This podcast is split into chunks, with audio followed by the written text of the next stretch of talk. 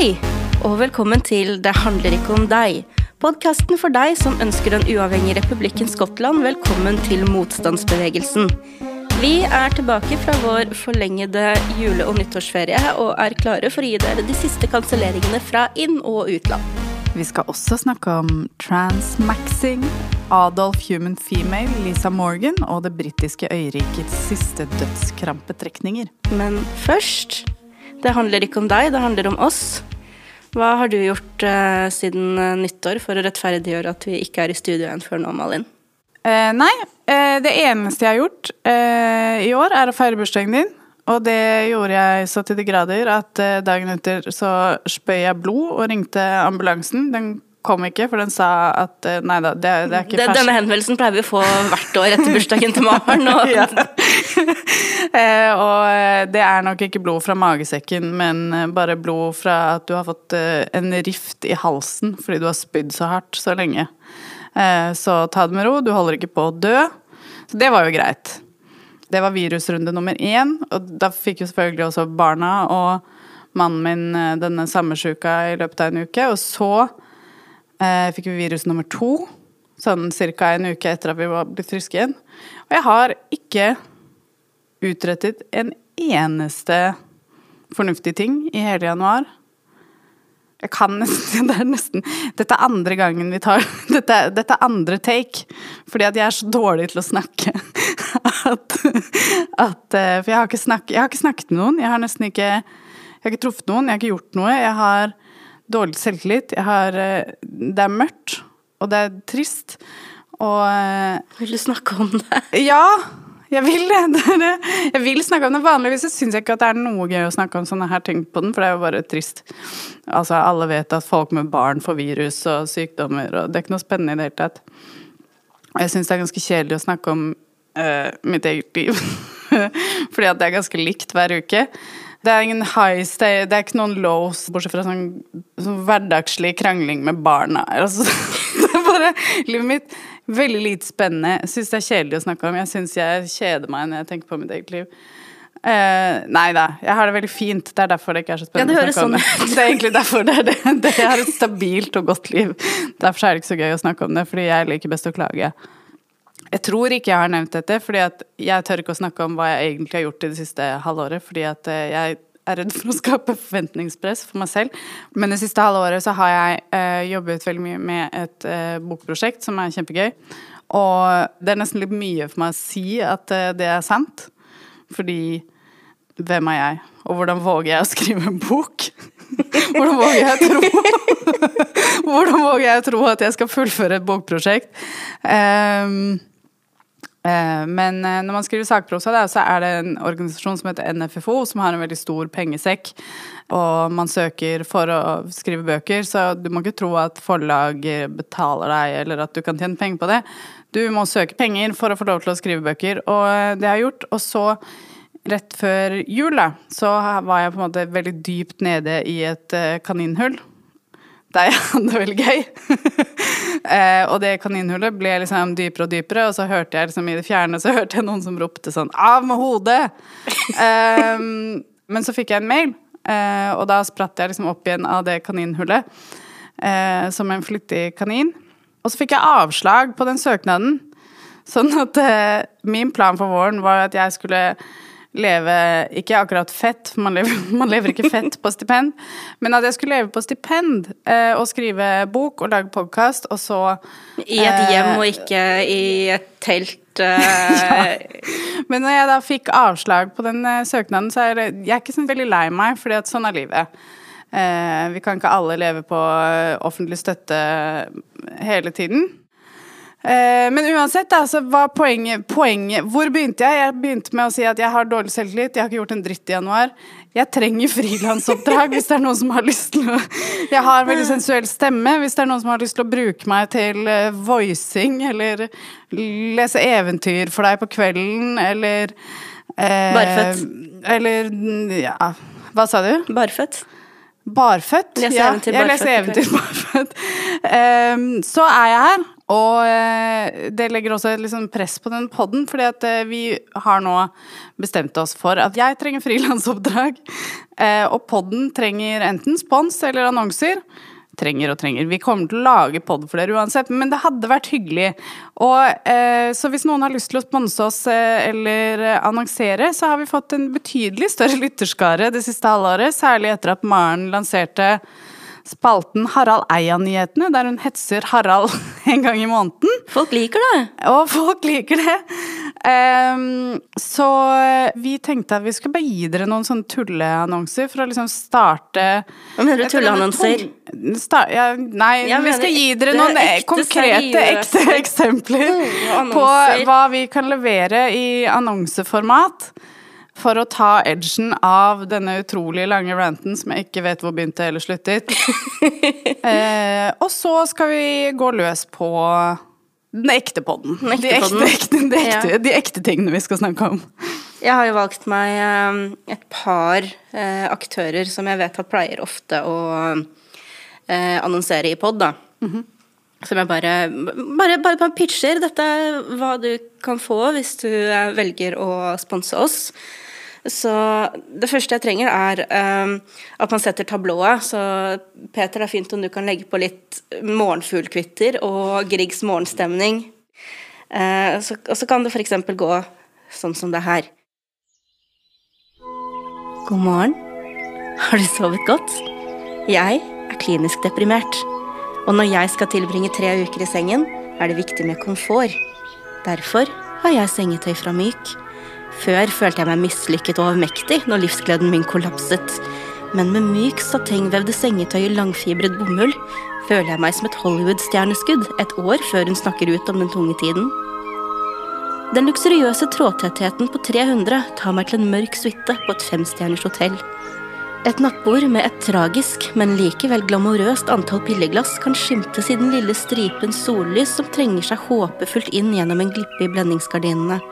Dypt omsvøpt av det myke, steinvaskede sengetøyet kan jeg knapt høre den insisterende bankingen på døren. Det er min engstelige personlige assistent. Hun har ikke hørt fra meg siden jeg kom hjem fra meskalin-yoga i Vest-Bengal for flere uker siden.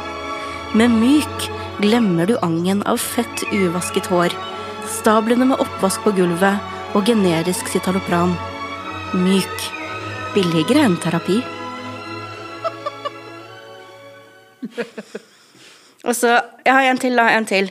Og der trenger man eh, det, Da blir det også din oppgave, Peter. Jeg trenger veldig sånn generisk, uh, upbeat eh, reklamemusikk, så det er fint om du kan finne noe som vi ikke må betale for. Og den eh, går sånn her. Er du selvstendig næringsdrivende? Uselvstendig næringsdrivende? Har du kanskje en podkast eller en blogg, selv om det er 2023? Kanskje du bare har et formidlingsbehov, eller trenger et sted å dele skjermbildene du har samlet av Maud Angelica Bens føtter? Da er Squarespace for deg. Med Squarespace kan du bygge din helt egen nettside, uten å eie den selv. Squarespace har enkle, brukervennlige designverktøy og maler du kan velge mellom for å sørge for at din nettside ikke skiller seg for mye ut i mengden. Squarespace er ikke søkemotoroptimalisert, og din nettside vil derfor være svært eksklusiv. Og vil du flytte nettsiden din fra Squarespace senere? Ikke noe problem. Slett hele greia og lag en ny en fra bunnen av. Noe annet strider mot våre brukervilkår. Squarespace. Fordi fuck deg og nettsiden din. Får vi spons nå?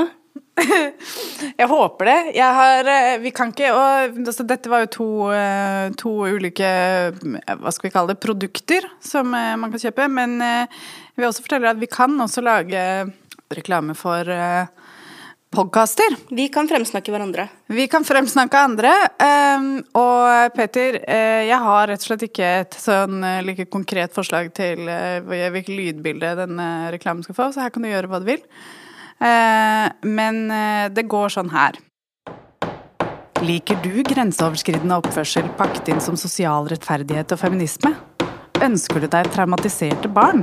Hos Tusvik og Tønne får du oppskriften på hvordan du kan trakassere eksen foran et stort publikum og sikre at barna dine i uoverskuelig fremtid får høre om pappas utroskap.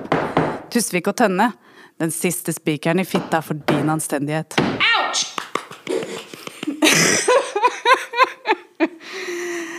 Hvordan tror du det her kommer til å gå? Ehm, jeg vet ikke, kanskje det var liksom også spikeren i kista for spons og annonser. for vår del. Og 2023? Men for 2023 Kanskje vi rett og slett må Vi må kanskje Nei, men jeg syns eh, folk Jeg syns eh, det er for dølt. Annonsemarkedet i i eh, Norge Podkastmarkedet i Norge. Alt er for dølt. Jeg syns vi viser vilje, kreativitet og eh, Vi er fremoverlente. Vi er fremoverlente. Vi trives i et uh, hektisk miljø. Og, vi, og løse, i, løse i formen og sjargongen. Um, og vi har mange strenger å spille på, så jeg syns vi fortjener uh, Fortjener all, uh, all den sponsen vi kan få. Ja. Og vi er villige til å jobbe med dere. Vi er også villige til å nedverdige oss veldig mye. Ja. Og selge ut. Og selge ut. Særlig hvis det er Myk som sponser oss. Ja. Eller Kongsberg-gruppen. Og apropos Kongsberg-gruppen eh, Apropos Kongsberg-gruppen, så skal vi snakke om eh, årets første kansellerte. Ja, la oss gjøre det. Og ikke om hvordan du har hatt det. Ikke om hvordan jeg har hatt det. det nei, vi, nei, Du kan vi jo bare, du kan bare klemme det litt sånn inn her og der i drypp eh, i- eh, Ja, men jeg har ikke gjort noe. Jeg Nei, har eh, Ikke du heller? Jeg, jeg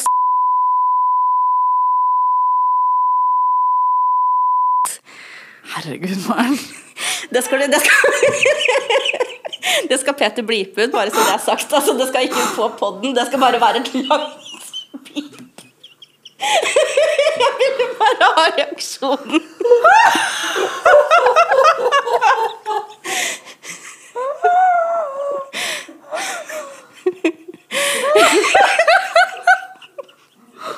Det er det som skal være i podden. Det skal være et langt beep, og deres hyler.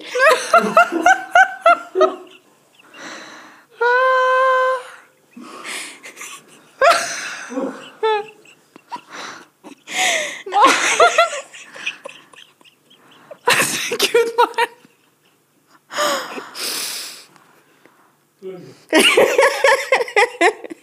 Ja. Uansett, ja. Årets første kansellerte. Ja. Så Maren kansellerte akkurat seg selv Yes. før vi rakk å si hvem som er kansellert. Men uh, utover, utover uh, Marens eh, eskapader, eh, så uh, gikk det knappe fem dager. Det kan hende jeg tar høyde for at uh, det kan ha vært noen andre som har blitt kansellert også, uten at jeg har fått det med meg. Men jeg tror det var 5. januar, så begynte det å eh, svirre overgrepsanklager mot Andrew Callahan. Kjenner du til han fra før, Maren? Nei, de fortalte meg eh, om det her, og jeg tenkte da, hvem faen er Andrew Callahan? Ja. Vet Så- du hvem det er, Petter? Aner ikke. Nei, ikke sant? Og sånn er livet. Eh, Men Andrew Callahan, han er en eh, sånn YouTube-journalist, kan man vel si. Som fikk liksom sitt eh, YouTube-gjennombrudd med Quarter Confessions, der han intervjuet drita folk i eh, det franske kvarter i eh, New Orleans, der han kom fra. Som var ganske morsomt. Gikk ofte mange ganger viralt. YouTube-kanalen hans heter Channel 5. Og det er også et av Reddits største forum. Eh, altså hans fan-community, da. Og så hadde han eh, en YouTube-serie som heter All Gas No Breaks, som ble veldig stor under pandemien. Der de kjørte rundt eh, i USA i en van og intervjuet Eller en sånn RV, var det vel. Og intervjuet eh, alt som eh, måtte krype og gå eh, av særlig konspirasjons... Sånn konspifolk, da. Og han er ganske kul. Kul fyr, liksom. Ganske morsom. Ung, han er 25 Men år. er han det? Eh, men er han det, så det Og, og eh, rundt den 50 januar eh, De siste ukene har det florert anklager om ikke liksom voldtekt, men om overgrep eller situasjoner hvor han har på en måte mast seg til samtykke. Og et par situasjoner hvor han virkelig har liksom sånn insistert på å bli sugd. Eh, altså, han har tatt et nei for et nei, men Hvis det nei vært er helt mange- konkret, og, utvetydig. og det har vært veldig mange nei. Ja. Og han har på en måte forsøkt å gjøre om det nei-et til et ja, Ja. ganske mange ganger. Som eh, er ganske en ganske sånn vanlig situasjon. Jeg tror ganske mange jenter har opplevd det. Jeg har opplevd det. De fleste har opplevd det. Men det er et eller annet med at når det er en sånn Han er på en måte en sånn mediekritisk venstresidejournalist som er ganske flink og hipp, og han er på en måte aktuell nå med en eh, dokumentar som er blitt publisert på eh, HBO, um, som heter 'Displaced Rules'. Det er jo selvfølgelig også fordi at han er veldig aktuell at disse anklagene har begynt å eh, eller blir publisert offentlig. Da. De første anklagene ble publisert på TikTok. Og det er ganske godt dokumentert at hun har både snakket med han før og underveis, og at han anerkjenner situasjonen. Eh, det ble ganske stille fra han i en ukes tid, før det kom en sånn YouTube-beklagelsesvideo, og den har du jo sett. Maren. Den har jeg sett, og det er det eneste av eh, Andrew Callahan jeg har sett, så jeg kan ikke gjøre noen vurdering av eh, eh, hvorvidt jeg tenker at dette er oppriktig basert på min kunnskap om Andrew Callahan, for jeg vet jo ingenting om denne Mhm. fyren, faktisk, da, så jeg kan jo bare forholde meg til innholdet i den uh, beklagelsesvideoen. den kan vi snakke litt om. Ja, og så kan jeg også bare si det, bare at jeg har hatt en sånn litt sånn følelse med han, og det er av to grunner. Det er sånn, ene er The Quarter Confessions, hvor han intervjuer drita fulle folk. Som er sånn Det er morsomt og harmløst til en viss grad, men det er også litt sånn tvilsomt samtykke, samtykkemessig. Eh, og så All Gas No Breaks, som var liksom en stor viral suksess. Um, sluttet veldig plutselig, og da lurte jeg, ble jeg sånn Oh no! Er det har han også? Hva har skjedd her? Er han også Eller har han også røket på en smell eller et eller annet? Liksom? For det ble også sånn som brått stille. Men da var det noe kontraktsmessige greier, da. Så da var det sånn åh, ok, han kommer sikkert tilbake med noe nytt. Eh, Og det er jo denne dokumentaren. Um, men eh, så var det jo noe, da. Så var det noe. Det er, det, å, det er ofte det, altså. Ja, menn som er menn. Ja. Men, Men på ja. papiret Sånn, eh, på papiret så syns jeg at det her er hvordan en unnskyldning kanskje bør gjøres. For vi har sett veldig mange dårlige unnskyldninger. Ja. eh, fra folk som har begått overtramp, ikke nødvendigvis bare seksuelle, men eh, mer generelt også. At det, det er bortforklaringer, det er ansvarsfraskrivelse. Og han gjør ikke de tingene i noe særlig stor grad. Han sier vel på et tidspunkt at det er noen detaljer i historien som han mener er annerledes, men at generelt han legger seg flat, han anerkjenner eh, forholdene. Han prøver liksom ikke å diskreditere noen. Når han nevner at han har hatt alkoholproblemer og drukket for mye, så understreker han med en gang at han skylder ikke på alkoholen. Det er ikke alkoholen som førte til at han gjorde det her. Eh, Men at det, det, det har forverret hvordan han har opptrådt, og hvordan han eh, har forholdt seg eh, til ting. Og så går han òg veldig konkret ut i å si takk, men nei takk til de som har prøvd å forsvare ham. Og det har vi snakka litt om i forhold til uh, Atle Antonsen. Ja. Ja. Uh, han har jo liksom sagt, da de begynte med misjonen igjen, for han er jo tilbake nå, selvfølgelig, at eh, han visste jo at eh, de verste folka på høyresiden kom til å si seg liksom enig med ham og forsvare ham, han ville ikke det. Men, men det er ikke bare de verste høyrefolka, det er jo veldig mange. Noen av de verste folkene på høyresiden har jo faktisk kritisert han. Ja, det er akkurat det. Det syns han kunne anerkjent. Ja, jeg syns han liksom kunne vært litt mer på uh, til absolutt alle som har forsvart meg, drar til helvete, liksom. Eh, Andrew Callahan gjør jo det. Han sier at han ser at folk har tatt ham i forsvar fordi at det her er uh, litt sånn såkalt Han bruker ikke gråsonebegrepet, da, men at det eh, ikke, ikke forsvare meg, er jo egentlig en ting som han eh, går eh, langt i å si.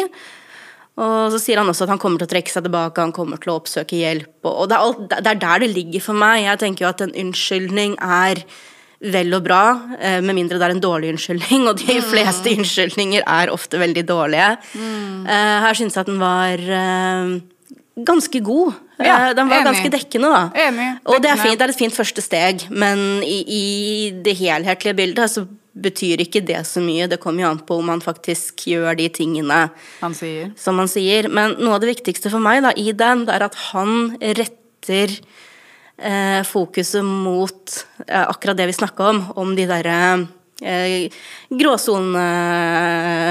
gråsoneovergrepene som vi snakka en del om under metoo. Jeg vet at her er fortsatt, det, er, det, er, det er under metoo vi vi fant opp det her. Det Ja, var, så det er litt nytt og skummelt Ja. at, det, eh, at det, ikke bare er eh, nei som er nei, men også at bare ja er ja. For det er jo noe som vi ikke har fokusert nok på, som jeg trodde at vi kanskje hadde blitt mye mer bevisst på for de eh, fire, fem, seks eh, årene siden, men som åpenbart fortsatt er et jæskla stort problem.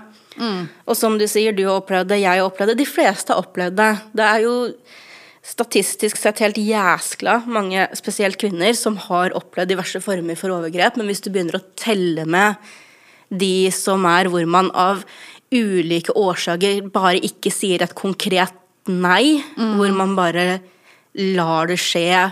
Noen ganger kan det være så drøyt fordi man er redd for hva som Ja. vil skje hvis man sier nei. Andre ganger kan det bare være du orker ikke, for du vet at det kommer til å bli tatt som en utfordring. Eller du vet at du kommer til å bli ja, altså utfordra på det nei-et. Kanskje Ja. det, det blir en forhandlingsprosess. Ja, men hvis du bare gjør det, eller hvis du bare gjør det. Eller kanskje du har en uh, avvisningssensitiv partner, og du tenker at å ja, det er bedre å bare liksom lene seg tilbake og si ok enn å At vi har veldig mye å, å, å snakke om der.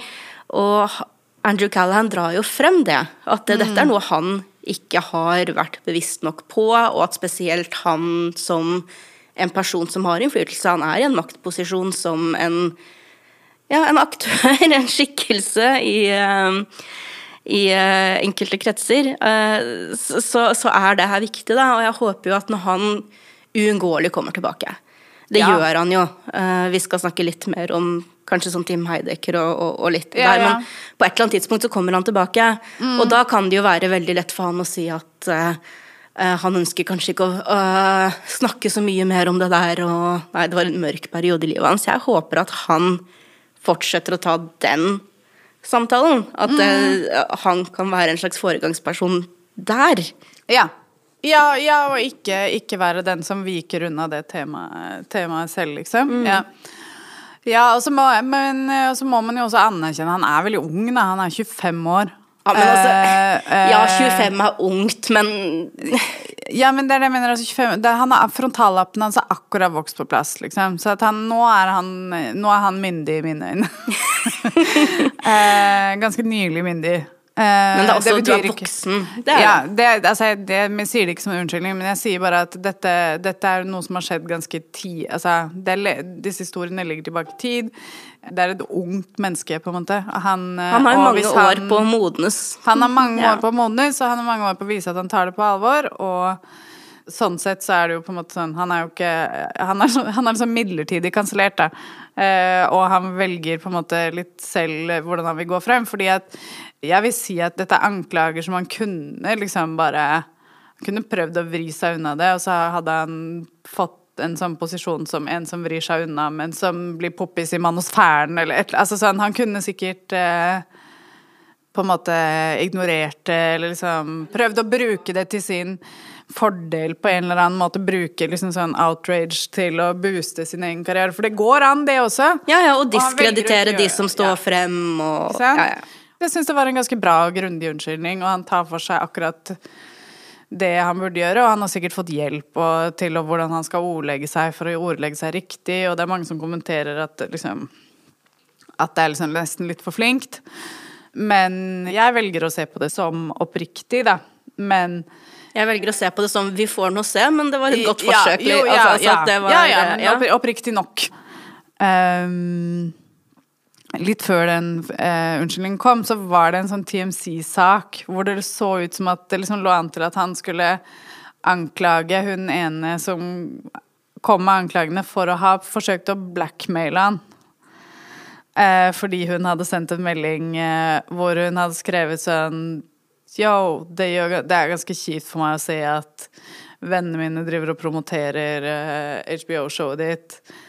Eh, hvis HBO har liksom gitt deg en stor, eh, stor sjekk, så her er Venmo-adressen min hvis du har lyst til å eh, bidra til å dekke noen av eh, terapi, eh, terapitimene som jeg har måttet eh, betale i dyre dommer for. Eh, så det var jo ikke en utpressing, det var en sår, sår melding, liksom. Men den TMC-saken og jeg, Det er sånn vanskelig å tolke sånn TMC-saker. Hvor kommer de fra, og hvor de, det sitatet ble aldri bekreftet, og i det hele tatt. Men det hadde jo et opphav et eller annet sted, liksom. Sånn så det er nok noen som har gått noen runder før de har landet på å bare ta ansvar. Men han, og det er også kommet fram at hun, de har snakket sammen, og at i samtaler så har han også tatt ansvar for det som har skjedd, og anerkjent det og beklaget det og sagt sånn jeg, har, jeg vil gjerne ha en åpen samtale med deg, og i det hele tatt. Så jeg velger å tenke at dette er oppriktig, og så får vi se, se hvordan det går. Eh, det ble også mye press på Tim Heidecker, som ikke adresserte dette før i Office Hours Live. Vi kan jo bare gi en kontekst til lyttere som ikke har noe forhold til Tim Heidecker, at han er vel definitivt en av de, de største, mest anerkjente komikerne uh, ja, på hele det feltet nå, da.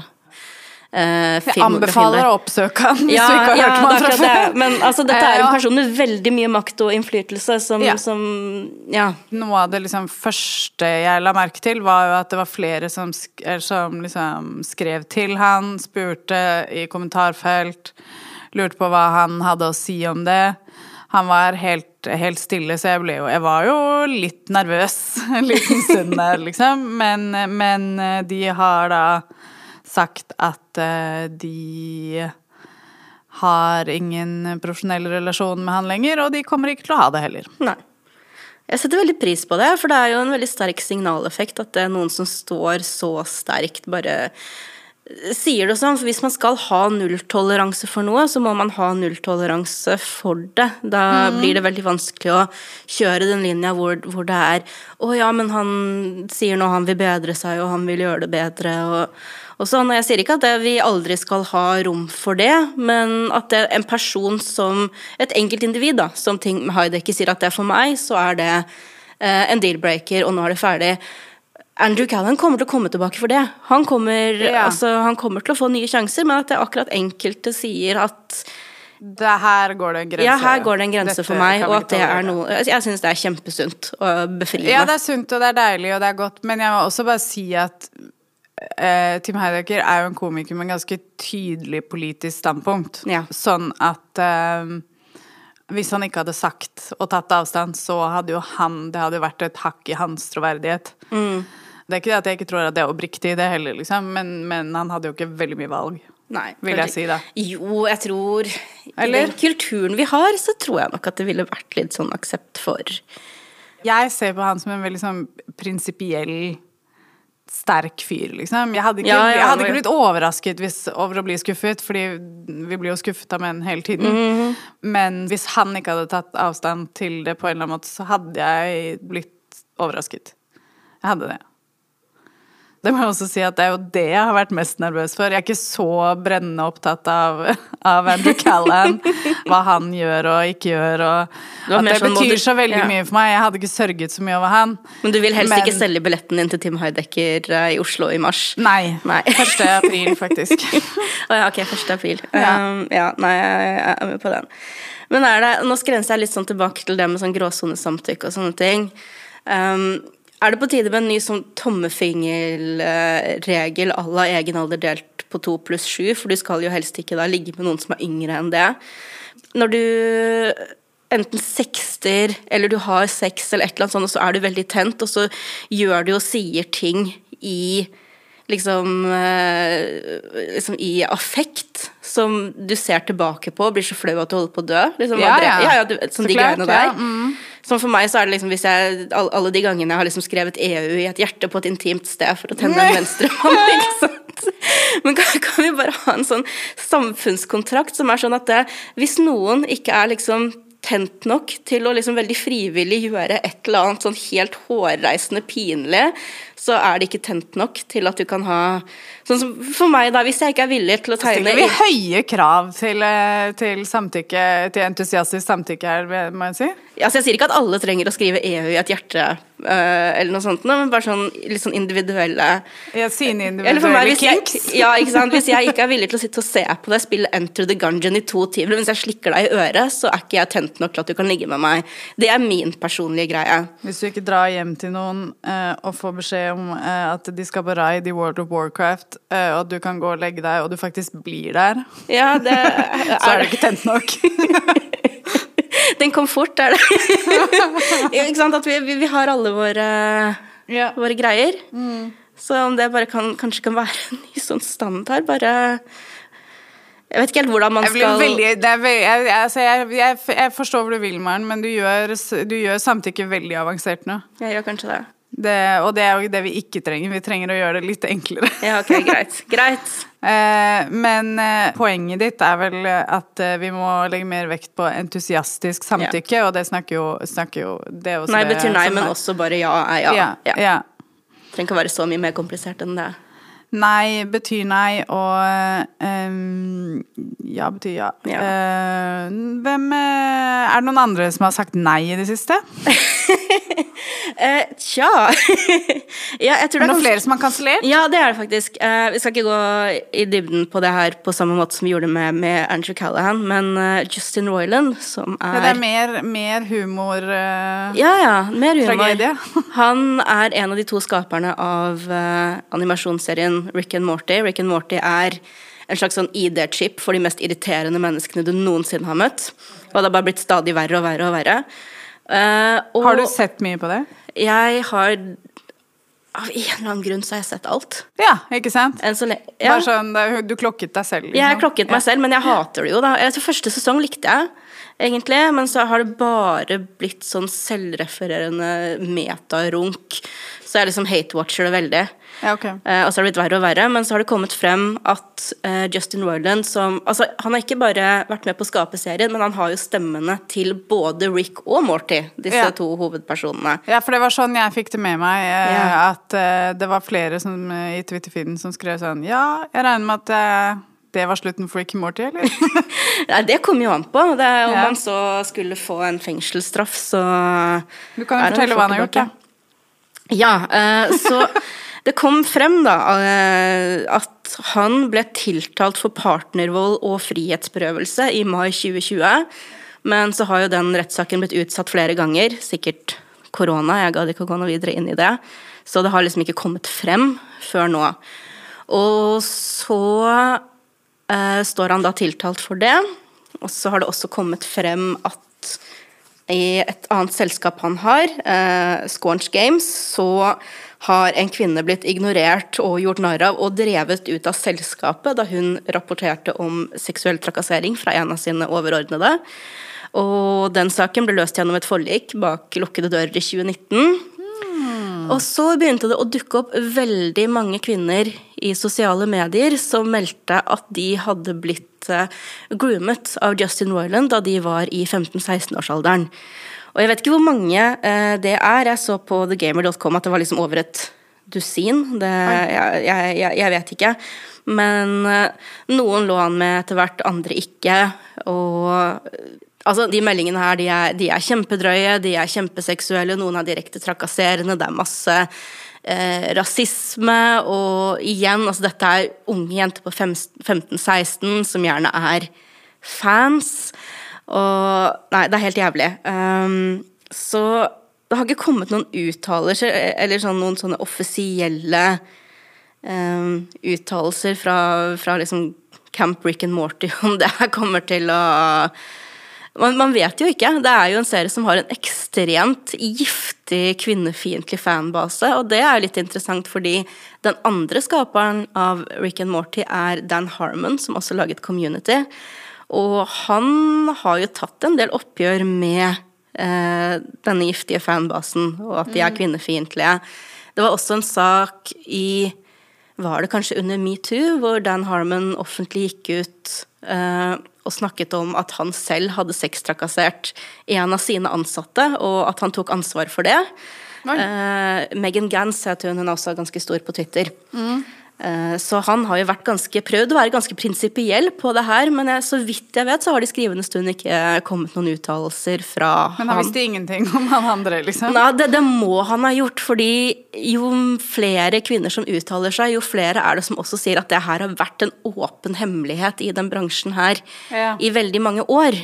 Uh, og at mange har sikkert uh, snudd det andre kinnet til for at å, stakkars Justin Royland, han har store rusproblemer og du vet, buhu, du, du ja. har rusproblemer, og da begynner du å glue med 15-16-åringer. Ja, det er sånn det skjer. uh, frihetsberøver kjærestene dine. Helt og, naturlig. Ja, ja, ja. Så, mm. så, så, jeg har ikke noen sånne store det, er, det, kan hende at rusproblemene kommer liksom i andre enden av det. At hvis du har liksom behov for å groome og kidnappe og kan misbruke det, altså. folk, så kanskje du prøver å døyve det. Ja, eventuelt det. Så vi får bare følge med på om det her er faktisk er spikeren i kista. Eller om det går liksom den veien som du snakka om tidligere, da. At det, eh, man kan nesten kapitalisere på det offernarrativet, mer eller mindre. Gjøre seg enda større i manosfæren. Mm. Men jeg, jeg, vet ikke. Det Rick and Morty er vel er det Adult Swim? Det legges i alle fall ut også på HBO, i likhet med Andrew Callahans greier. Så det kan hende de mister, men jeg vet ikke. Er det liksom føler, Hvis, hvis offernarrativet vokser i manusfæren, så er jo det på en måte knefall for hele manusfæren. Ja, det er det og hele deres etos er jo bare sånn Du er ikke et offer. Du... Nei, men de er et offer når de blir anklaget for ting. Å, ja, ja, det er litt så... klart. Men så, så, vi får se. Men... Nei, det er, det er Matrix som kommer etter. ja, det er, det er akkurat det. Men eh, ja, konklusjonen er at uh, menn har bevist at de kan ikke la oss i 2023 heller. Uh, ganske tidlig walkover, men det er greit å få det unnagjort. Bare, ja. Så har vi etablert det, og så får vi bare følge med på hvem som er neste til å kanselleres. Ja. Dere får de siste kanselleringsnyhetene her. Det handler ikke om deg. Det var alt fra kanselleringsnyhetene. Det er trøbbel på de britiske øyer fordi statsminister eh, Sunak, the hedgefondforvalter, ønsker Eller han ønsker vel ikke bare, han har vel vedtatt å blokkere en lov som har blitt godtatt i det skotske parlamentet. Og det her er en lov som vil gjøre det enklere å skifte eh, juridisk kjønn. Og det er vel lov i Storbritannia, men du må ha en legeerklæring på at du har kjønnsdysfori. Og i Skottland så ville de liberalisere det her, sånn at Du må ikke bare ha legeerklæring på at du har kjønnsdysfori, du må også kunne liksom eh, dokumentere at du har levd to år som på en måte ditt nye kjønn. Det vil fortsatt, fortsatt være et krav eh, om å ha levd som sitt valgte kjønn valgte kjønn blir feil å si, da, men sitt nye mm. juridiske kjønn. Men de korter ned tiden, eller ønsker å korte ned tiden, i tillegg til at du skulle kunne gjøre det fra 16-årsalder i stedet for eh, 18-årsalder. Og at det skulle baseres på selvidentifisering. Ja, og det her blir jo veldig vanskelig for eh, Westminster av de samme banale grunnene som eh, uh, utgjør den såkalte transdebatten andre steder. Det er sånn å, garderobene og statistikk og idretten, ikke sant, alle de greia ja, for det, alle de som går inn i, inn i passet med kvinnegarderoben med passet først. ja, ja, så, ja, ja så, som man jo gjør. Men det er litt historisk kontekst der, fordi at i, uh, i 2002 så bestemte Den europeiske menneskerettighetsdomstolen at det å ikke få endre juridisk kjønn strider med transpersoners menneskerettigheter. Og det ledet til den lovgivningen som nå på en måte er aktiv i Eller som er den gjeldende i, i Storbritannia, altså der du må ha legeattest og leve to år som ditt eh, nye kjønn. Eh, litt sånn klønete måte å si det på, men sånn er det nå. Um, uh, og den lovgivningen har da blitt debattert på nytt siden 2016. Av samme fordi man ønsker det samme i hele Storbritannia. At, ja, for, at man skal basere ja. lovgivningen på selvidentifisering. Men i 2020 så sa de da nei til det i England. Ja, fordi Theresa Mays regjering de snakket litt om det. Eh, og det var ikke akkurat en veldig liberal regjering. Det var ganske konservativt, det også. Eh, men under Boris Johnson og Liz Truss så ble vel egentlig det bare skrapa. Mens ja. Eh, i Skottland, hvor de da har sitt eget parlament hvor, eh, hvor eh, det skotske nasjonalpartiet har Nicola Sturgeon som førsteminister, der vedtok de det med Ja, en for de tenkte sånn hm, Siden de sier at dette er på en måte noe annet strider mot menneskerettighetene, så, så kanskje vi skal gjøre noe med det? Ja, og det, det var de for. Men så finnes det da eh, en seksjon 35 i denne lovgivningen hvor hvis en eh, Secretary of State i England Og jeg, vil ikke, jeg sier ikke statssekretær, fordi en statssekretær i Norge er liksom en kaffekoker og en veskeholder.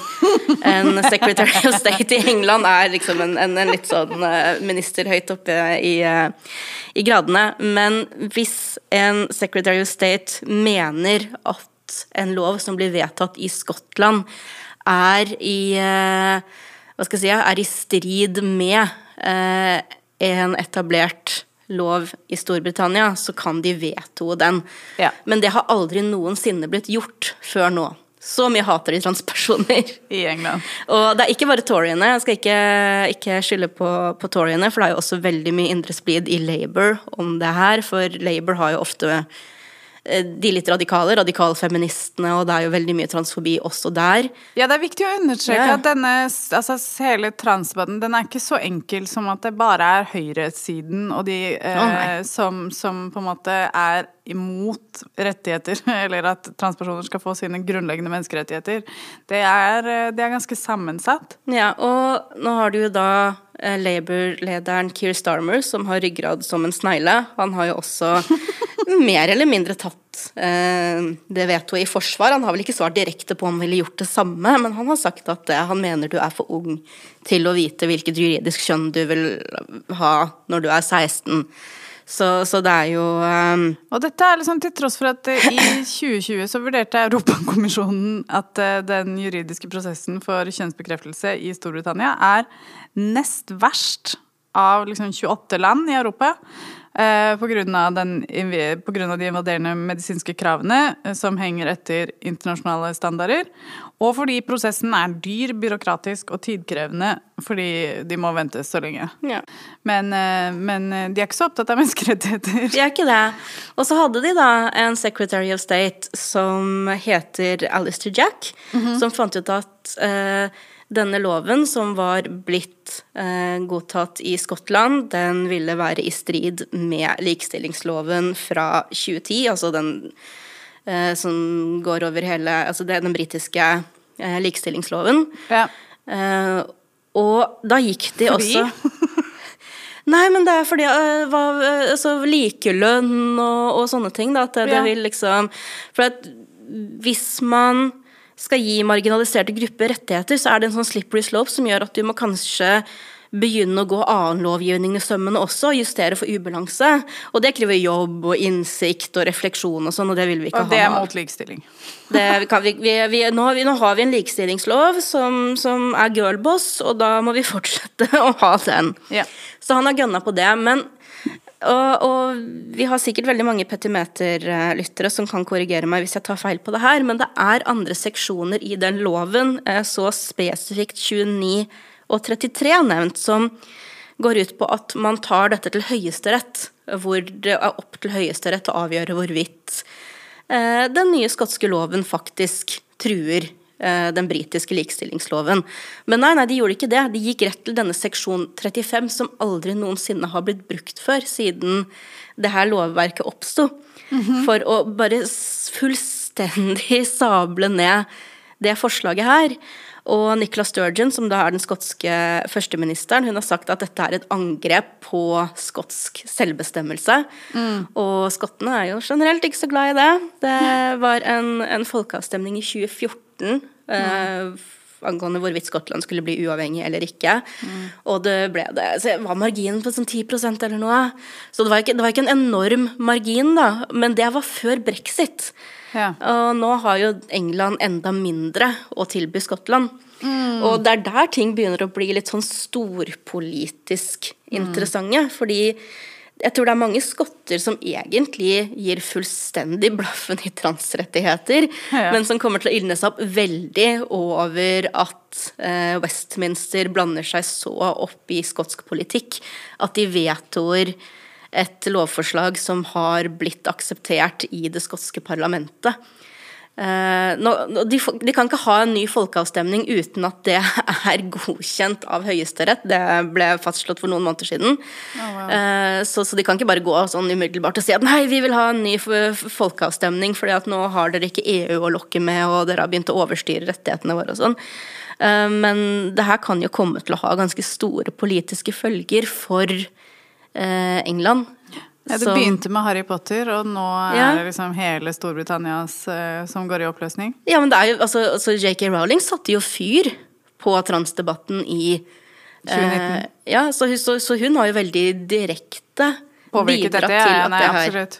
Så, så ja, ja, eh, det er eh, Og hun har skrevet mye sånn tåredryppende greier. Sånn å, jeg kunne ikke tro Og jeg ble så Jeg våknet med skrekk i kroppen da jeg leste, og jeg gråt Nei, det var det hun skrev. Jeg gråt da jeg leste om, eh, jeg leste om eh, Skottlands planer for en gender, gender reform.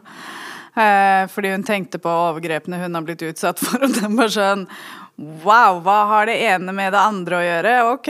Hun skal ha for patosen, da, i det Men minste. Kjetil Rollnes syns det gir mening, da, så Ja, da regner jeg med at det ikke det. Han er tenker å ja, ja, nei, å ja, hun har opplevd overgrep, og hun gråter over Skottlands kjønns... Nei, gender reform, så Og alt hun har gjort, er å si at kjønn er ekte. Ja. Hun har ikke gjort noe annet enn det noensinne i sitt liv. Uh, Nei, så det er viktig å bare ta alt hun sier, sluke det rått. Men jeg velger å se det på den lyse siden, sånn helhetlig, fordi vi snakker jo veldig mye om altså en garderobedebatt og tredje juridisk kjønn og, og juridisk kjønn generelt. Eh, og det her tar opp veldig mye plass, når det vi egentlig bør snakke om, er det helt elendige behandlingstilbudet for transpersoner Yep. uten å gå privat, og hvordan de private aktørene motarbeides av FHI og Riksen. Altså, det her er sånn avgjørende livsviktige ting. Jeg sier ikke at juridisk kjønn og sånn ikke kan ha en stor effekt på, på transpersoners eh, altså, livskvalitet og sånne ting, men det her er så akutte ting da, som vi tilsidesetter til fordel for å sitte og liksom sjekle om tredje juridisk kjønn Ja. og sånn. Um, og, Ja, apropos det, så har det vært, eh, eh, vært eh, en sånn avstemning i Stortinget ganske nylig om over et sånn Dokk 8-forslag fra Venstre han, Hva heter han igjen? Grunde. Grunde Almeland, er det det? Mhm. eh, som har foreslått at man skal gjøre en utredning av for tredje juridisk kjønn og desentralisering av helsetilbudet trans, for transpersoner, da. Uh, og så har det uh, på en måte Det eh, har blitt spredd i sosiale medier av veldig mange uh, transfober spesielt. Fordi det har blitt stemt ned. Eh, med, og jeg fikk jo litt panikk da jeg så det. Jeg ble lei meg. Ja, jeg ble liksom wow, hva skjer her, liksom? Jeg trodde dette var på G. Eh, og for en som ikke kan alle detaljer i, i hvordan politikk fungerer, så ser det, når man leser det, så ser det ut som at oi, shit, Stortinget stemte ned det forslaget, og det var spikeren i kista for tredje juridisk kjønn og desentralisering av helsetilbudet for transpersoner. Eh, men så viser det seg, når vi liksom begynte å spørre vår, eh, vår eh, redaksjon, som kan litt om politikk Og lille hushall. Og vet litt hvordan Gimpen ting. Gimpen vår, som vet, vet litt hvordan ting fungerer, som ser på det og er sånn Å ja, nei, dette er bare sånn et sånn Dokk 8-forslag fra Venstre. Ja. ja, nei, det er bare sånn spill for galleriet, for dette er jo allerede vedtatt og igangsatt og er under utredning, og, altså, og, i, og også helsetilbudet for transpersoner, både og tredje juridisk kjønn. Alt dette er i gang, de jobber med det. Eh, det er underveis. Eh, men så er det sånn at disse partiene de, de legger fram sånne forslag spar, Det er bare spill for galleriet Ja, for for, å signalisere for sine velgere. Er det sånn at de ikke har noen i, i helse- og omsorgs... Uh, Ja, ja, uh, og derfor så vil de signalisere overfor sine velgere bryr at oss om dette. Ja, ja. Uh, så det er ikke stemt ned. Eh, og og de, liksom, de mest informerte transfobene, de vet det. Men de dumme transfobene, de vet det ikke. Og mange andre kan også få litt eh, panikk av å se det. Så jeg tenkte vi bare skulle klargjøre og nevne det når vi først var inne på transpolitikk. Jeg syns det var bra tenkt av deg. Ja. Veldig fornuftig. Eh, skal, vi ha, skal vi ha flere transnyheter? Ja, Ja. hva vi var inne Vi skal vel innom den store løgnen? Ja, ja, ja. Vi må, vi må en tur innom eh, den store løgnen. Bare Vi er vel fortsatt i, i England, er vi ikke? Da har vi fortsatt, vi er spesifikt i Newcastle, for det var en, eh, en antitransdemo i Newcastle for et par helger siden, som var en del av eh, Let Women Speak-turneen til Posey Parker, som er en eh, veldig Herlig, kjent herlig dame. Ja, en herlig dame. Det, altså, det er en episode i seg selv, da. Ja. Eh, men dette er en dame som koseprater med folk som Hans Lysglimt, og hun har vel hatt et ganske langt intervju med en fransk-canadisk nazist som heter Jean-Francois Garriepy, og liksom Og så har hun også uttalt at eh, det er verdt å ofre abortrettigheter for, eh, for i kampen mot eh, transpersoner.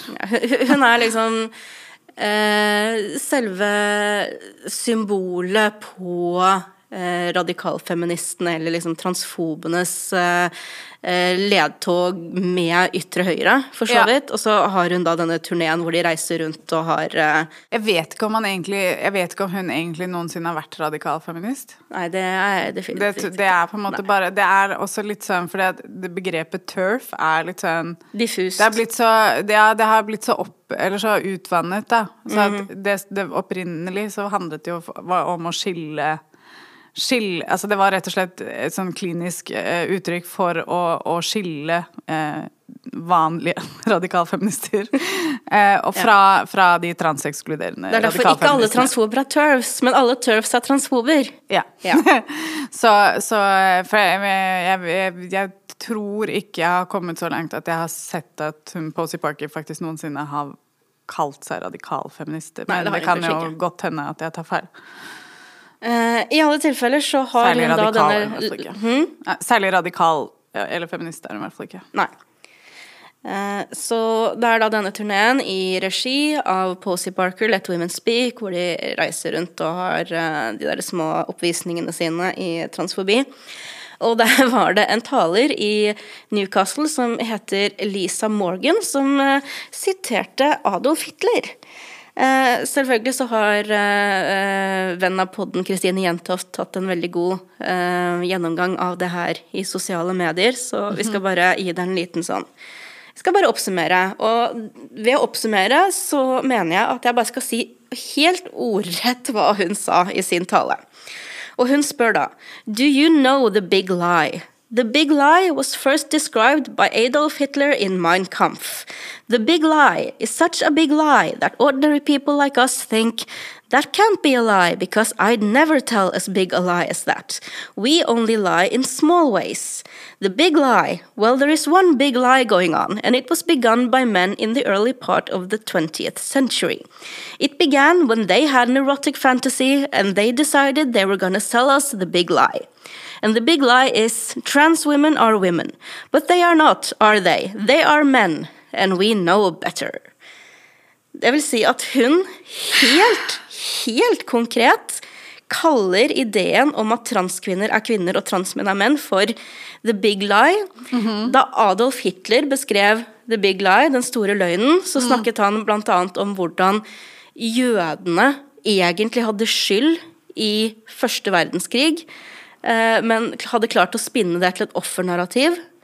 Eh, altså hvordan jødene brukte denne store løgnen for å renvaske seg selv fra all skylden de hadde for all elendigheten i verden. Det er dette hun sier.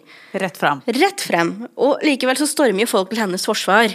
Og, og, og de sier at nei, nei, men eh, det hun mener å si, det er jo at det, i virkeligheten så var det nazistene og ikke jødene som brukte the big lie som propagandaverktøy. Men det er bokstavelig talt ikke det hun sier.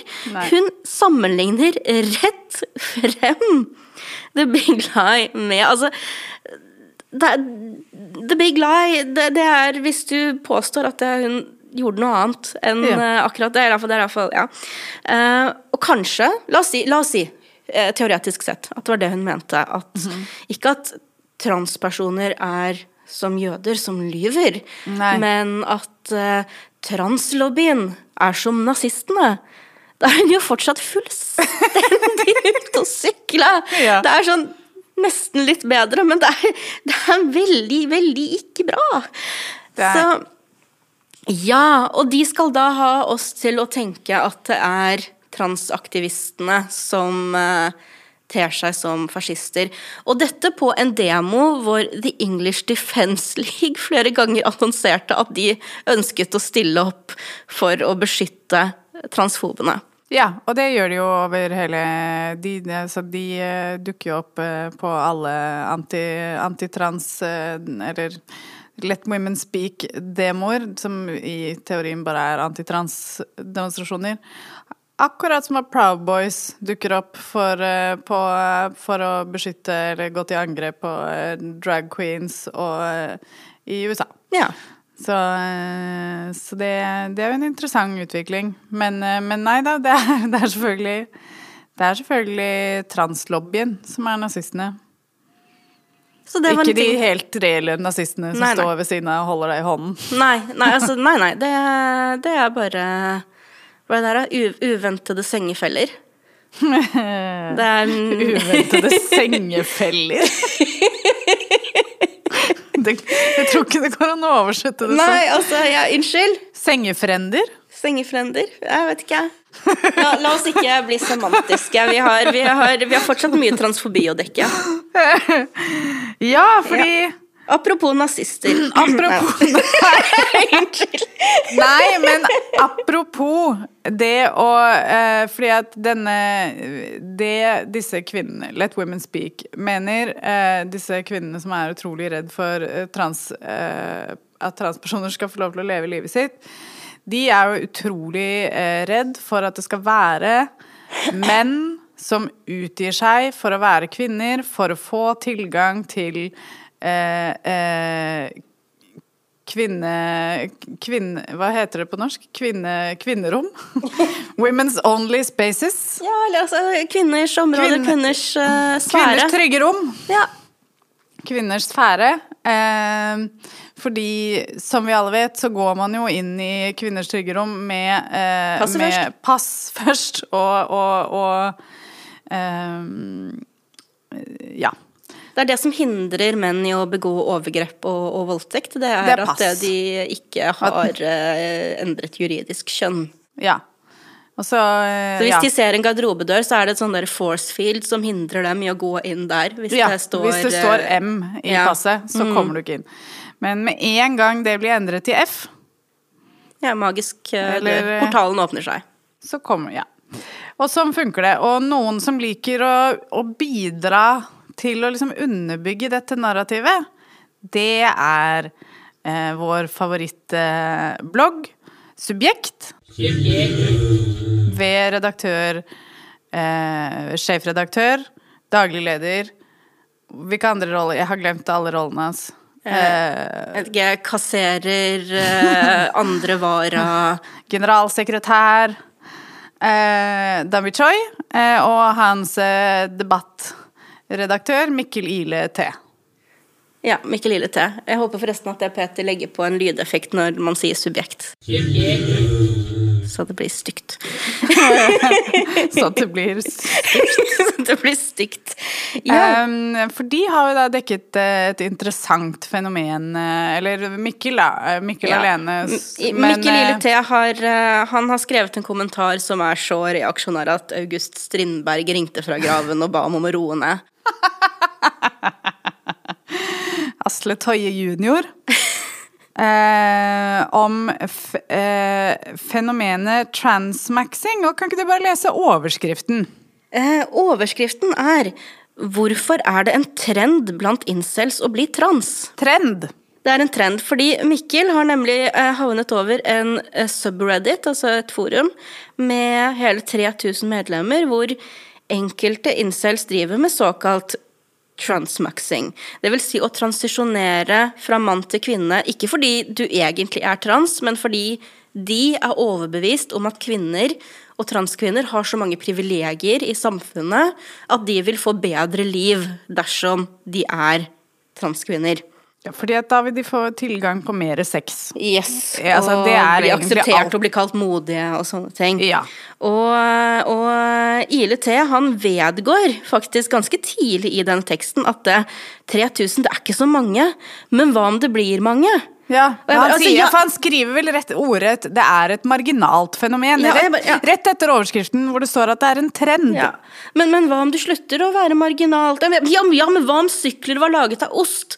Hva om kong Harald jobbet på Gunerius? Det er sånn Ja, hva om? Fuck off! Men overskriften, da, det er 'Hvorfor er det en trend blant incels å bli trans?' For da får man sørget for at det, du får etablert det falske narrativet da, til de veldig mange som sikkert kommer til å lese den overskriften. Ikke artikkelen, for den er jo bak betalingsmur, og folk kan ikke å lese. Nei, nei, de ser bare o- de ser overskriften, Google fenomenet. Og så vil jeg bare si at det er Først og fremst så er det så grovt å kalle det en trend, men så er det også en sånn pipeline for hvordan dette har endt opp som tema i Subjekt. Som er, det er sånn to eh, små eh, amerikanske konservative nettsteder som har skrevet om det, eh, helt marginale. Så har det blitt en sak i Breitbart. Og så er det en eller annen sånn konservativ familieverdi-youtuber som har laget en video om det. Og så er Mikkel eh, biter, sluker Mikkel Mikkel eh, Ile T Hva heter det? Åte. Ja. Helt rått. Han går rett på kroken og skriver en kommentar om at Hva er det han konkluderer med, Ja, men egentlig? det, her, det, her, det er det som er litt sånn eh, altså Når jeg sier interessant, så bruker jeg det ordet litt løst, da. Ja.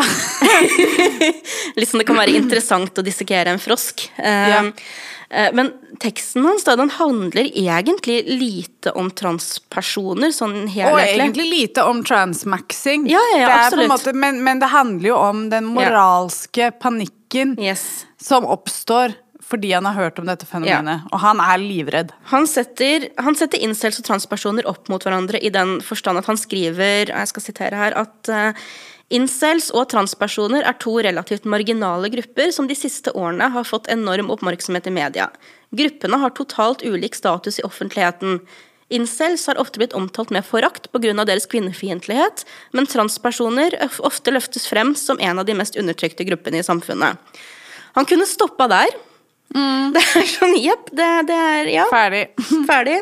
Eh, stemmer det. Incels hater kvinner. Eh, og transpersoner er en av de mest undertrykte gruppene i samfunnet. Stemmer. Fakta. Det eneste er at eh, ILT eh, mener at dette er helt feil. Og nå skal du høre. Og han skriver selv om transpersoner har vanskelige levekår og er utsatt for diskriminering, de også, er statusen de har i mange viktige miljøer, som medier, universiteter, kultursektoren etc., diametralt motsatt av incels. Og for det første da skal vi virkelig sitte her og late som at transpersoner blir godt behandla i media. Ja, det skal Eh. vi. Fordi det sier Mikkel. Eller akademia, for den saks skyld. Yeah. Altså kultursektor der altså, øh. um, Hvis du bare ser på kulturell synlighetspolitikk og ingenting annet, eh, og et par TV-serier, ja. og absolutt ikke får med deg noe annet som skjer i verden, så kan du kanskje til nøds si at han har rett. Til nøds. Men, men eh, jeg vil jo tro at eh, Mikkel eh, Ile T får med seg litt mer enn det han gir inntrykk av. Tror det. Og så fortsetter han om, om incels at de er gruppen som høster aller minst empati i medieoffentligheten. Ved å endre kjønn kan ensomme og deprimerte menn plutselig få kvinnelige venner, bli hyllet for sitt modige valg og få flere mulige seksualpartnere, inkludert hverandre som lesber. Og merk at Han skriver både modige valg og lesber i, eh, i anførselstegn, for det Mikkel Ille T skal ikke ha på seg at han synes at eh, trans, lesbiske transkvinner er lesbiske, eller noe sånt noe. Men, Eller at de er modige. eller at de er modige. Eh, men selvfølgelig er det ikke sant. Altså, den lille håndfullen incels som transmakser, de, inn, de er jo syke i hodet. Og de innbiller seg fordi de hater kvinner og tror at kvinner og transpersoner ikke er undertrykket, så kommer de til å få bedre liv. De kommer ikke til å gjøre det. Men her begynner vi å komme litt frem til eh, til Tandes standpunkt i teksten, og det er jo det som handler om eh, seksualpartnere og parforhold. For han har hoppet eh, rett på den konservative Jordan Peterson-greia hvor vi må tilbake til monogami og ekteskapsnormen for å løse det her. Ja. Det, er- nemlig Ja. det, det, det som er løsningen. Ja, fordi det, det, som er, altså det som er problemet til incels, det er jo at kvinner har for stor valgfrihet. De må ikke gifte seg lenger. Eh, og det er det det koker ned til. Og så viser han selvfølgelig til eh, Asle Toje sin drittekst i, i Minerva om det Ja. samme. Altså kvinneekspert og datingguru Asle Toje. eh, så skriver Tande eh, Svaret er det undervurderte ekteskapet. Solid evidens viser hvordan samfunn med sterke monogame normer opplever mindre vold og kriminalitet. Logisk nok. Få ting er farligere enn unge og ensomme menn. Mange snakker om sinte menn, men glemmer hvor sinnet kommer fra. Dessverre er dette en institusjon som altfor mange feminister og marxister har lagt Ja. for hat, og som de siste tiårene har mistet mye status og legitimitet. Eh, Da vil jeg gå til den bare, påstanden. men jeg vil bare si bare at eh, eh, Altså, den eh, Han er så indoktrinert. Konspilingoen hans, altså det at han får lov til å kalle seg debattredaktør, det er liksom så komisk, at det er bare den lingoen hans er bare Nesten den bare overraskende at han ikke skriver kulturmarxist liksom. i stedet ja. for marxist. Ja, sant? Eh, Men ja, ok, så han anklager oss for å glemme hvor sinnet kommer fra. Men det gjør vi ikke. Vi vet at incels er sinte, for de føler seg tilsidesatte. De kan ikke få seg en partner. Eh, Vi, vi, vi vet hvorfor de er sinte. Det er bare det at løsning, vi, vi anser ikke løsningen på det da, som at det skal bli kvinners problem, for at kvinner skal tvinges inn i relasjoner med dem. Vi vil se litt mer på hva som Altså hva, hva, hva i samfunnet og samfunnsstrukturene som gjør at de har det kvinnesynet, hvor de føler de har krav på en partner og blir rasende og voldelige hvis de ikke har en partner. Men nei, nei, for, for dem så er det at vi, vi, vi, vi, vi, vi, vi trenger ikke introspeksjon, vi trenger avlshopper. Det er det, er det vi det, er- det, Ja. Altså, Vil du avle meg? Nei, fordi at eh, uten monogami så vil mange kvinner befruktes av et fåtall menn, og taperne på bunnen, de får da ingenting. Og så siterer ILT eh, Asle Toje, eh, seniorforsker eh, for Senter for Bitchlessness. Eh, Prakteksemplarene trenger derfor ikke å forplikte seg. Det skaper et forståelig agg i kvinnene de rundbrenner. Et agg som kvinner av uklar årsak retter mot menn de selv ikke vil ha. Hæ? Det er nettopp det. Altså at, at kvinner uh, er lei av å, å velge bort å hate menn. Det er fordi at vi blir rundbrent av alle de hotte mennene. Og så klarer vi ikke å skille. Jeg trodde det var vi som rundbrant. Er det ikke det vi blir beskyldt Kan de bestemme seg snart? Nei, Vi rundbrenner vi også, men så blir vi veldig veldig såre i følelsene våre når det er vi som blir rundbrent. Ja. Og så lar vi det gå utover ikke mennene som rundbrenner oss, men de stakkars andre mennene. For det kan, det, det, jeg vet ikke, Er det utenkelig for Asle Toje at det Ja, vet du hva, vi klarer å ha agg mot menn som rundbrenner oss. Vi klarer å ha agg mot andre menn som, som hater oss, trakasserer oss, Nei, vi behandler oss kan bare ha dårlig. én tanke i hodet. Ja, er hyggelige, sexistiske, kvinnefiendtlige. Det, det, det er Ja. Det er for, hvorfor Nei? Åh! Og så Nei, ok, Hadde du hør mer? Unnskyld, jeg avbrøt. Nei, nei, men hør her. Eh, Ja. det- ILT skriver videre Intensjonelt korte og overfladiske forhold innebærer å behandle andre mennesker som midler heller enn mål i seg selv. Et kjennetegn på narsissistisk og psykopatisk tankegang. Kjenner han redaktøren sin? Jeg, jeg bare tenker å avsløre seg selv så mye. Altså, nå, skal jeg, nå, skal være, nå skal jeg være så mild og forsonende som jeg klarer å være. For jeg er en sånn sexpositiv feminist som like fullt ikke alltid tenker at seksuell frigjøring er eller hookup-kultur da, er frigjørende for kvinner. Fordi mange føler seg da liksom tvunget inn i et mønster hvor man skal ta veldig lett på alt, og Ja. eh, for å ikke virke sår eller eh, konservativ, så, så, så ja, det, det finnes noen nedsider, da. Det finnes definitivt mennesker som behandler seksuell frihet som en unnskyldning for å ikke ta ansvar og sånn overfor andre. det, det eksisterer, men det er, ikke Men det er ikke, ikke kvinner som har funnet opp den kulturen. det er ikke Det er kvinner ikke som kvinner som har liksom det var ikke, det var vel, Jeg tviler på, jeg, ikke, jeg har ikke faktasjekket dette, men det var vel ikke en kvinne som lagde her, Tinder? ikke sant? Og det her, det her stammer da fra Men det er fra vår feil. Ja. Resultatet, det er vår feil. Det er rett og slett vår feil, men det er liksom Folk har sunne, respektfulle, uforpliktende relasjoner hver eneste dag. Det er fullt mulig. Ja. Og, og, og det er Altså Ikke ikke at jeg har fått Nei da. Ikke at jeg Jeg jeg har ikke det. Nei. Da, men ehm, ehm, En utrolig uh, morsom ting selv, da, som, uh, som ILT skriver om incels, er at de er blant samfunnets mest forhatte, selv om de fleste aldri har fått sjansen til å skuffe en eneste kvinne. Du vet at vi, vi trenger ikke å ha vært i forhold med en incel for at eh, de, de, de skal klare å skuffe oss. Det, det holder med alle voldtektstruslene og alt hatet og uh... Det holder, det holder å bare lese alt, alt, Alt. de lirer av seg, så, så, så er det, skuff, det er skuffende nok i seg selv. Jeg trenger ikke å høre det i et, uh, i et forhold.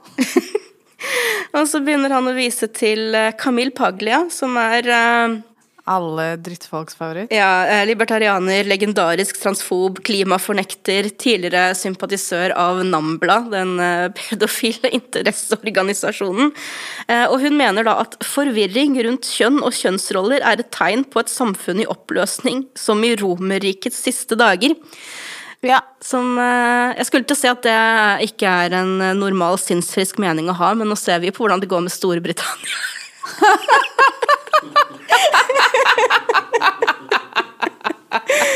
Så Det var kanskje ikke helt det hun mente. Men, men det er nå det samme utfallet. Ja, det er det. Og så ser ILT likevel lys i enden av tunnelen og håp for monogamiet, for i 2021 så var antall separasjoner og skilsmisser lavere enn på 40 år. Um, kan det, kan det ha en sammenheng med at skilsmissetallene skjøt i været da kvinner endelig fikk lov til å bryte ut av voldelige og eller utilfredsstillende forhold? Og nå som vi har kommet til et punkt i historien hvor det er lov til å date rundt og finne ut hva man faktisk vil ha Før man før man slår seg ned, så får vi sunnere ekteskap, som i sin tur jevner ut igjen skilsmissestatistikken. Kan det Kan det tenkes? kan, kan det liksom Men så, så, så skrønte vi til slutten, hvor han For det var jævlig lang. eh, Så lang. Så jævlig lang. Helt unødvendig. Eh, men han kommer jo da videre til, eh, til, til bunns i, i sitt tankegods her, for på slutten så skriver han ikke minst hjelper en slik utvikling for å snu en av vår sivilisasjons største utfordringer, de lave fødselstallene. Men det er et tema for en senere kommentar. Altså én, nei takk. To, vi stemte ned Kinder Kirche på 40-tallet. Tre, det er veldig mange ting vi kan gjøre for å øke fødselstall, hvis vi absolutt vil det. Ingen av dem innebærer tvangsmonogami og forced breeding. Men det er et tema for en senere episode. Altså, sitt ned og hold kjeft, vær så snill! Gud bedre! Det er helt utrolig. Jeg blir, for jeg blir sånn Han er jo ganske ung. Jeg bare, men jeg skjønner, jeg bare lurer på hvordan vi fant den, liksom. Altså, jeg, jeg, altså Det var ikke på kjøkkenet. Nei, jeg vet ikke. Jeg tror de liksom bare satte ham sammen av liksom DNA og ørevoks og sånn fra Asle Toyes bad. Ja. Jeg vet ikke. Fra, fra badet hans.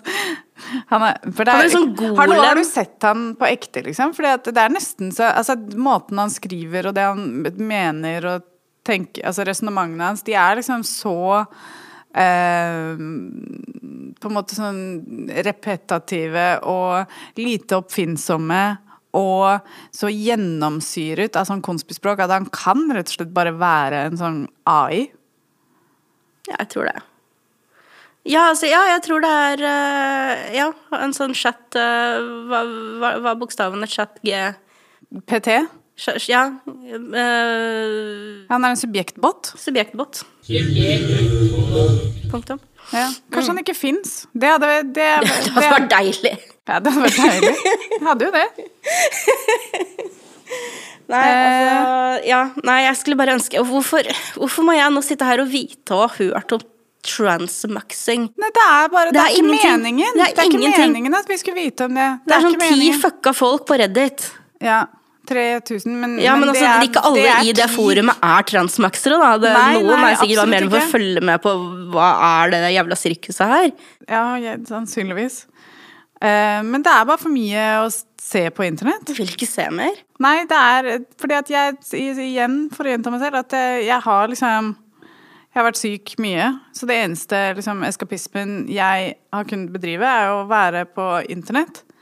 Men det er jo internett jeg trenger en escape fra, fordi det er så, det er så mange ting Det er så mange ting jeg bare ikke det, men, det er ikke meningen at jeg som menneske skal vite om alle disse tingene, eller grave meg ned i. Sånn som, sånn som, jeg, som Vi snakket altfor lenge om Andrew Callan. Liksom. Det er ikke meningen at vi skal vite om det. Det er ikke meningen at vi skal vite om transmaxing. Det er ikke meningen at jeg skal se en menneskelig absintfontene på TikTok. Ja, den med det røret gjennom nesa, Ja. sånn at, ja, sånn at eh, absinten gikk gjennom eh, nesehulen til Ja. Og eh, sånn som jeg også brukte ja og så følger du med på sånn Red Scare-drama. eh, Ja, Det er ikke meningen det, det er, ja, Red Scare-drama er det ikke, men det er, liksom, det er en film som heter Actors, av en uh, skuespiller som heter Bessie Brown. Uh, som er søsteren til Hva er det han heter igjen, da? Peter Wack, eller noe sånt. Hvem? Ja, sant? Nei, men, eh, og, det, og dette er en sånn veldig lite eh, Lite New York-miljø. Eh, som jeg er på en måte sånn Det er irritert over at jeg vet om Jeg visste om det i mange år. Jeg har liksom en eller annen grunn fulgt med på de For det er liksom miljøet rundt, rundt uh, Dasha og Anna i Red Scare, da. Uh, og, og så har Betty Brown hun lagd den filmen som heter Actors, som kom i fjor. Som har blitt vist mange steder. Den har til og med blitt vist på Kunstnernes hus. Um, og blitt omtalt, den har blitt omtalt som transfobisk, og så er det Jeg tror, så vidt jeg skjønte, at det er en kino i eh, Boston. Kan hende jeg tar feil at det ikke var Boston, men jeg tror det var i Boston. eh, som skulle vise denne filmen. Og så er det da en filmskaper som er trans, som har skrevet eh, en eh, Jeg tror hun har skrevet det på sosiale medier. Bare skrevet sånn Yo, kan Eller om det er en mail, eller om det var altså, Hun har i hvert fall henvendt seg til denne kinoen og sagt eh, Kan dere være så snill å ikke, fordi denne filmen er ganske transfobisk. Eh, og så har de avlyst den visningen. Eh, og så ikke det at det ble sånn voldsomt drama, men det var mye, mye pes. Eh, Dasha var veldig sint. Det var sånn jeg la merke til dette i det hele tatt. Og hun eh, Betzy hadde liksom også Det var liksom full furo- furore på hennes eh, Instagram-story, og mange selvfølgelig som støtter henne og sånn.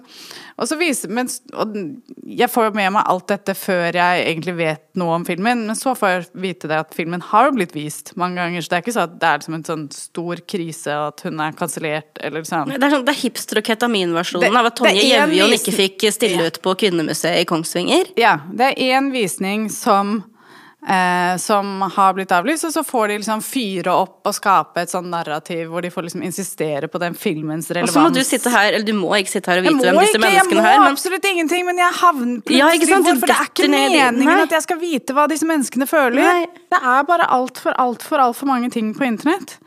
George Santos, at han var drag, eh, drag queen. Det er, det er for mange ting å se på internett. ja. Og jeg orker ikke. jeg vil, jeg, for 20, I 2023 Jeg håper jeg får med meg færre ting på internett. ja. Enig. Takk for i dag. Takk for i dag. Ha det. Mm just